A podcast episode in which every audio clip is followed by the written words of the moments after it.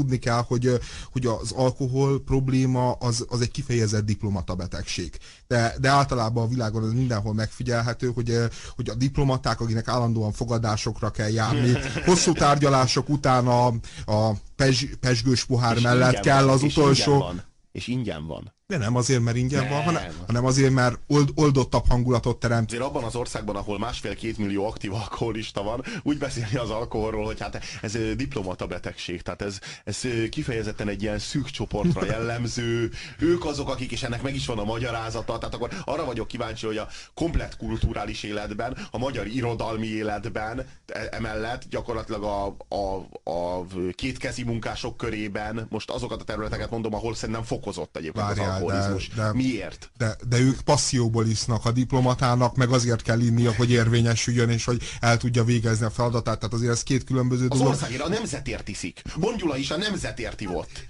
Mindjájunkért. Kicsit én értem is. Különben, különben a keleti blogban meg különösen nagy hagyományai voltak ennek a piázásos dolognak. Hát Ruscsovról mesélték, hogy igazából ő a ranglétrán úgy tudott gyorsan előre menni, hogy Stalinnak nagy kedvence volt, mert, mert amikor voltak ezek... Stalin az, az asztal alá inni, ez Ruscsov az egyik ilyen volt. Hát egyrészt, hogy Ruscsov nagyon keményen tudott inni, de viszont ő volt az, aki képes volt a generalissimus ilyenkor is szórakoztatni, mert például filmesztelenül táncol társult az asztalon kellő mennyiségű vodka begyomása után, és úgy, mint Moszkva fő első titkára. Tehát, hogy, ugye, így, ennek köszönhetően azért a, a keleti blogba a szocializálódott diplomatá biztos, hogy, hogy nagyon-nagyon ki volt téve az alkohol veszélyeinek. Pusztán csak a munkaköréből kiindul. Hát, hogyha azt még... is ezt meg, ő például a Leningrádi pártitkáról, és ugyan, ugyanúgy szlopálta egyébként a rövidet, mint ahogyan teszi azt a jó Gyula legalábbis a benyomásainknak az, a szellemében. Jó, mondjuk hát az, azok voltak a legijesztőbb dolgok különben, amikor uh, Jelcin még, uh, még úgy, mint Oroszország e-, első embere, még úgy, mint a, az atom kulcsnak, vagy az atom... Atomtáskának az őrzője. Vagy az atomtáskának az őrzője, félrészeget, billeget, meg összefüggéstelenül beszélt, tehát hogy igazából azok voltak a legnyugtalanítóbb pillanatok, tehát hogy én, én nekem az volt az a pillanat, amikor így meg tudtam érteni azt, hogy mit éreztek az emberek a kubai válság válság idején. Tehát, hogy amikor tényleg ott, ott volt mindenkiben a halálfélelem, hogy na most jön a nukleáris holokausz, na abból én egy kicsit megtapasztaltam akkor, amikor így láttam az esti híradóból, hogy úristen, ennél, ennél az embernél van az emberiség életének, jövőjének, hát nem is záloga, de mindenképpen az az eszköz, amivel megsemmisítheti és kiérthatja azt. És, és a csávó az meg így, így kedélyesen berúgva vörös fejjel ott magyarázott éppen. Láthatóan nem tud felnőni a szituhoz. És csak reménykedni tudunk, hogy azért vannak biztonsági fékek beépítve ebbe a rendszerbe, tehát a vodkás üveg és az atomgomb között azért van legalább egy ilyen józan ember, amelyik azt mondja, hogy elnök úr, aludja ki magát. csak remélni tudjuk. Szóval, akkor egy fontos dologról beszéljünk, ami szerintem ide kívánkozik.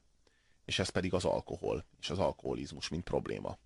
Mert az mindenféleképpen egy, egy, egy népbetegség, mégpedig rendkívül súlyos betegség, és nem szabad elfelejteni, hogy egy kemény drogról beszélünk. Egy legalább olyan kemény drogról beszélünk, mint az amfetamin, egyébként, orvosi szakvélemények szerint, tehát a toxikológia tudományának jelenlegi állása szerint körülbelül olyan mértékben veszélyes az alkohol rendszeres fogyasztása, mint a, a, az amfetamin rendszeres fogyasztása. Népszerűbb nevén a speed rendszeres fogyasztása.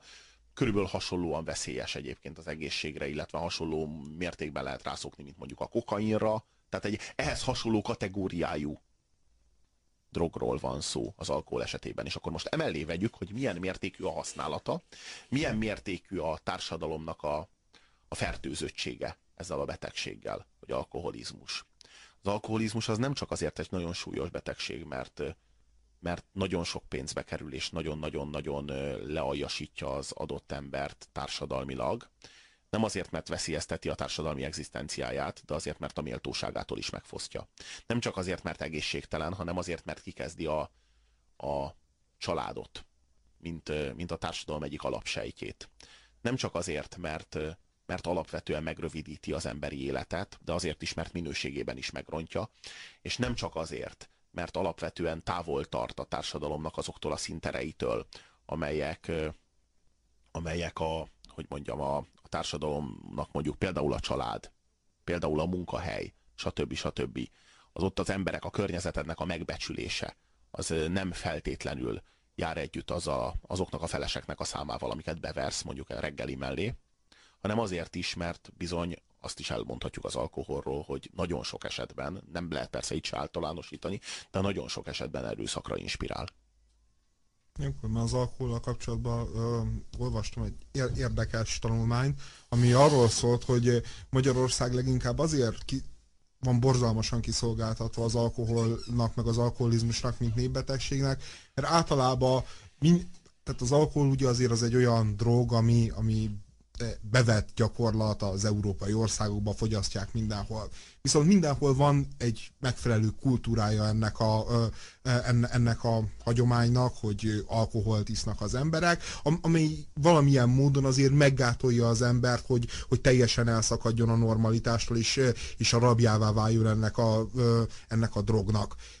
Ugye lehet tudni, hogy például tőlünk északabbra a németek, a csehek, azok elsősorban a sörnek hódolnak. Lehet tudni, hogy nálunk keletebbre elsősorban a vodka és a rövid italok mennek, és lehet tudni, hogy tőlünk délebre elsősorban a bornak van komoly kultúrája és hagyománya, és ezek a hagyományok, ez, ez a kultúra, ez hát jó eséllyel megőrzi az embert a társadalom hasznos tagjának. A legnagyobb baj mondjuk az, hogy... keletre kevésbé, de mondjuk északra és délre inkább. Tehát azért a pálinka az egy másik minőség azért. Jó, igen, mondjuk a vodka az egy másik minőség. Igen. Magyarországnak az a történelmi vagy kulturális hátránya ezekhez az országokhoz hogy képest. Fókusz, fókuszpontban van. Hogy, hogy Magyarországra minden betört. Tehát, hogy régen, régen ez, a, ez a borországa volt, manapság ezt nem lehet me megállapítani, hogy, hogy igazából mi az, ami tradicionálisan... Minden tradicionális, mert ugyebár amire büszkék lehetünk, az a borsodi sör, közben meg a Tokai hegyvidék, az a Nagyborászvidék, emellett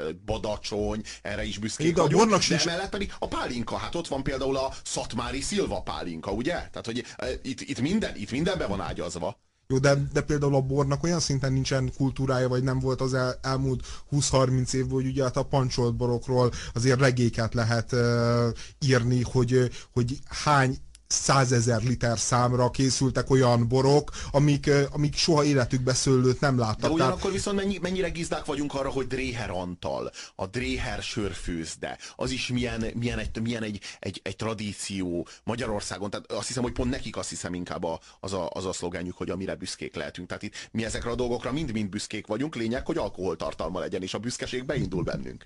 Lényeg, hogy a kocsmába lehessen kapni, és akkor, akkor minden akkor, megindult. Tehát... Akkor büszke, a büszkeség is, a pofon is, meg az összes testnyílásunk. Ja, és különben az, az még hihetetlenül érdekes, hogy általában a magyar hatóságoknak a hozzáállása ehhez az egész kérdéshez. Tehát az, hogy a pancsolt bor az tudott működni éveken keresztül, és a fogyasztóvédelem igazából nem védte meg az állampolgárokat, jó, hát rendben van ugye ez a rendszerváltozás ideje, az állam még nincsen a helyzet magaslatán, talán most az unióba való csatlakozással ez a helyzet megváltozott, vagyis reméljük, hogy, hogy ez minőségileg megváltozott, de azt érdekes megnézni, hogy az ember elmegy egy mondjuk egy ír vagy egy angol pubba, vagy, vagy elmegy Amerikába valami kocsmába, és hogyha olyan kölyökképű fiú, mint én, akkor, és oda megy rendelni italt, akkor mindjárt elkérik a személyi igazolványát. És, Magyarországon és, és ki, De Magyarországon, tehát hogy azon, abban az országban, ahol aztán tényleg mindenki sírri, minden egyes politikus, minden egyes párt sírri, hogy milyen probléma az alkohol, hogy,